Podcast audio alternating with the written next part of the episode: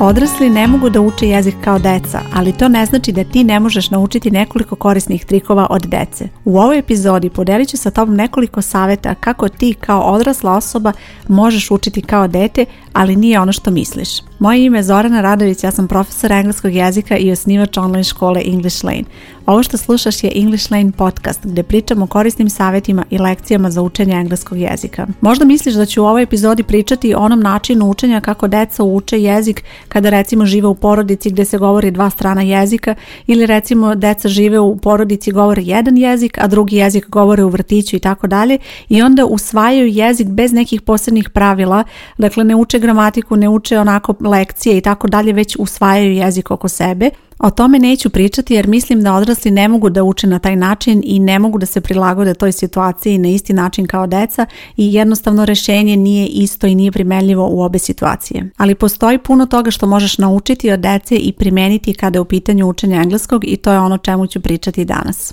Prva stvar, deca su radoznala. Deca vole da istražuju i zanima ih sve oko njih i ovo im omogućava da nauče ne samo jezik, nego i sve ostalo što ih okružuje, uopšte o svetu koji ih okružuje i to je nešto što treba da usvojiš kada ti učiš engleski jezik. Savjet za tebe i kako da ti ovo iskoristiš. Kada učiš engleski jezik, probaj da budeš radoznala i to na način da se interesuješ za engleski jezik. To znači da ne treba samo da gledaš lekcije i radiš vežbanja, već treba uopšte da se zainteresuješ za engleski jezik i da te interesuju razne druge aktivnosti, recimo da probaš da pričaš na engleskom, da radiš neke druge aktivnosti, da radiš neke zadatke, da probaš da saznaš neke informacije na engleskom, da se okružiš engleskim jezikom, da pogledaš recimo možda neki film na engleskom, da probaš da to uradiš bez prevoda, da slušaš neku pesmu i tako dalje, da prosto stalno imaš neke izazove ispred sebe. Istražuj na engleskom engleskom i slobodno probaj da potražiš neke informacije o temi koja tebe interesuje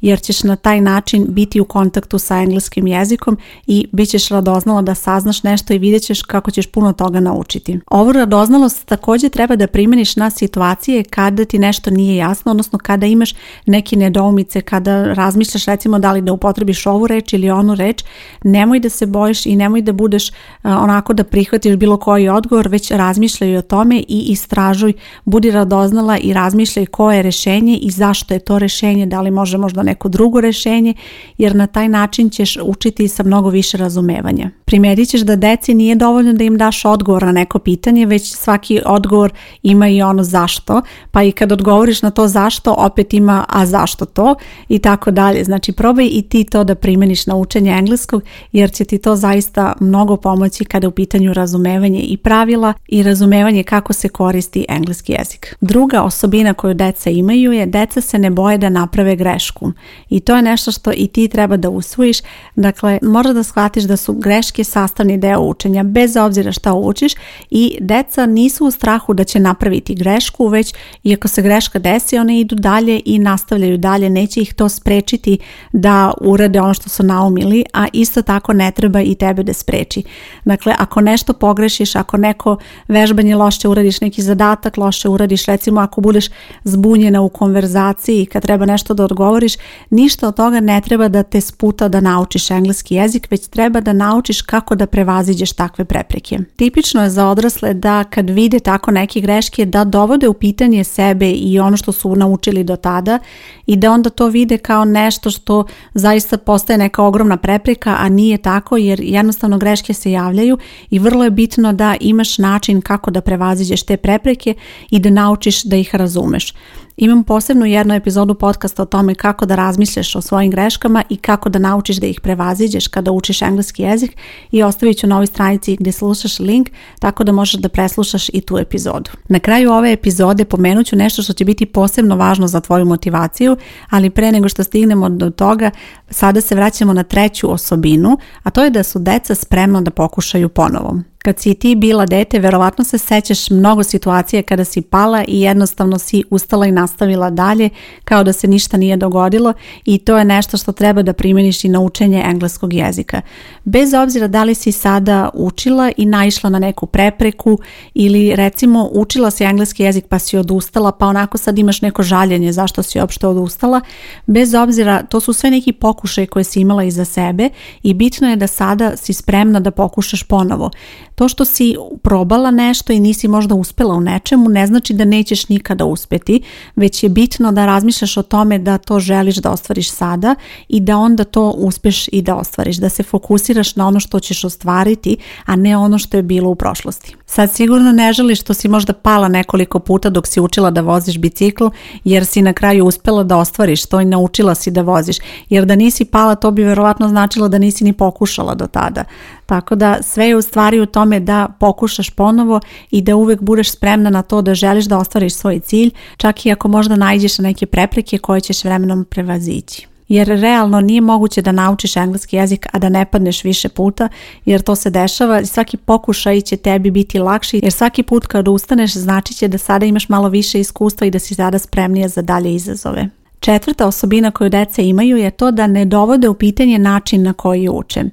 I ovo je veoma važno zato što vrlo često imam polaznice koje mi pišu i koje su zainteresovane da uče sa mnom, ali mi ponekad pričaju kako recimo žele da vežbaju samo konverzaciju, ne žele da uče gramatiku, ne žele da uče pravila i ovo je nešto što je tipično za odrasle. Kada odrasli uče, oni često imaju potrebu da oni onako malo učestvuju u diktiranju tih pravila, da se jednostavno boje da prepuste kontrolu i da veruju nekome da taj neko ko ih obučava zapravo zna šta radi i želi da im to omogući na pravi način i u tom trenutku može doći do nekog problema jer jednostavno ako ti misliš da treba da učiš na jedan način, a profesor sa kojim sarađuješ misli da treba da učiš na drugi način, to jednostavno neće biti situacija u kojoj možete da uspete. Ovo je vezano za razne druge stvari, dakle nije samo za učenje engleskog jezika, već vjerovatno i za neke druge treninge koje pohađaš ili e, neke situacije kada sarađuješ sa ljudima koji te obučavaju nečemu, vrlo često ti želiš da imaš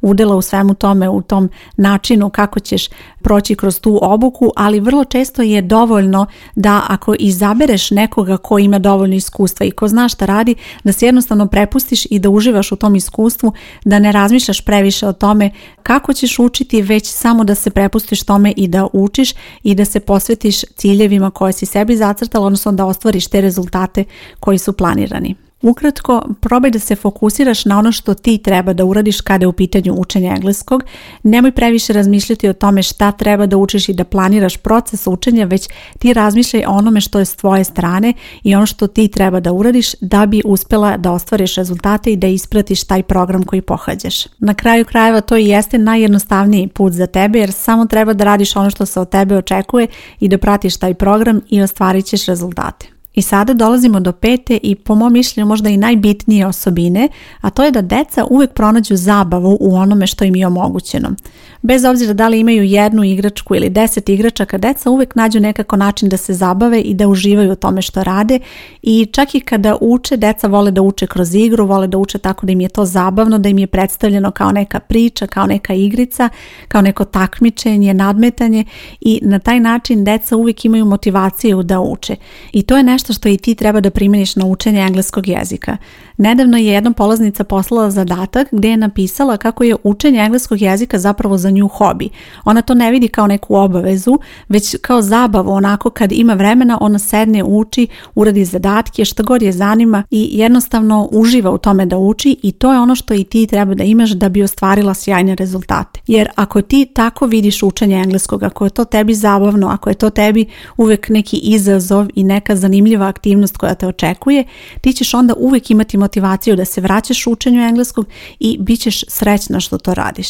Ako učenje engleskog predstaviš sebi kao neku obavezu i ako u tome vidiš stres, ako konstantno imaš taj strah da ćeš nešto pogrešiti, da ćeš nešto možda loše uraditi, jednostavno nećeš moći da se opustiš i nećeš toliko uživati u učenju i onda će to loše uticati na tebe i na tvoju motivaciju i onda prosto nećeš moći da ostvariš te rezultate koje si želela. A naravno tebi kao odrasloj osobi bit će zabavno kada vidiš svoje rezultate i kada vidiš rezultat svog truda, prvi put kada osjetiš tu sigurnost kada treba nešto da kažeš na engleskom ili kada budeš recimo na nekom sastanku gdje se priča na engleskom, a ti već razumeš dosta toga i odmah ćeš osjetiti tu sigurnost i bit će ti mnogo e, zabavnije i mnogo bolje iskustvo da se vratiš učenju jer ćeš odmah vidjeti kako sve to utiče na tvoj život. Moj savjet za tebe kao polaznicu moje škole je da gledaš na učenje engleskog jezika kao neku zabavnu aktivnost koja je još i veoma korisna za tebe. Nemoj da se opterećuješ greškama, nemoj da osjećaš stres kada treba da učiš,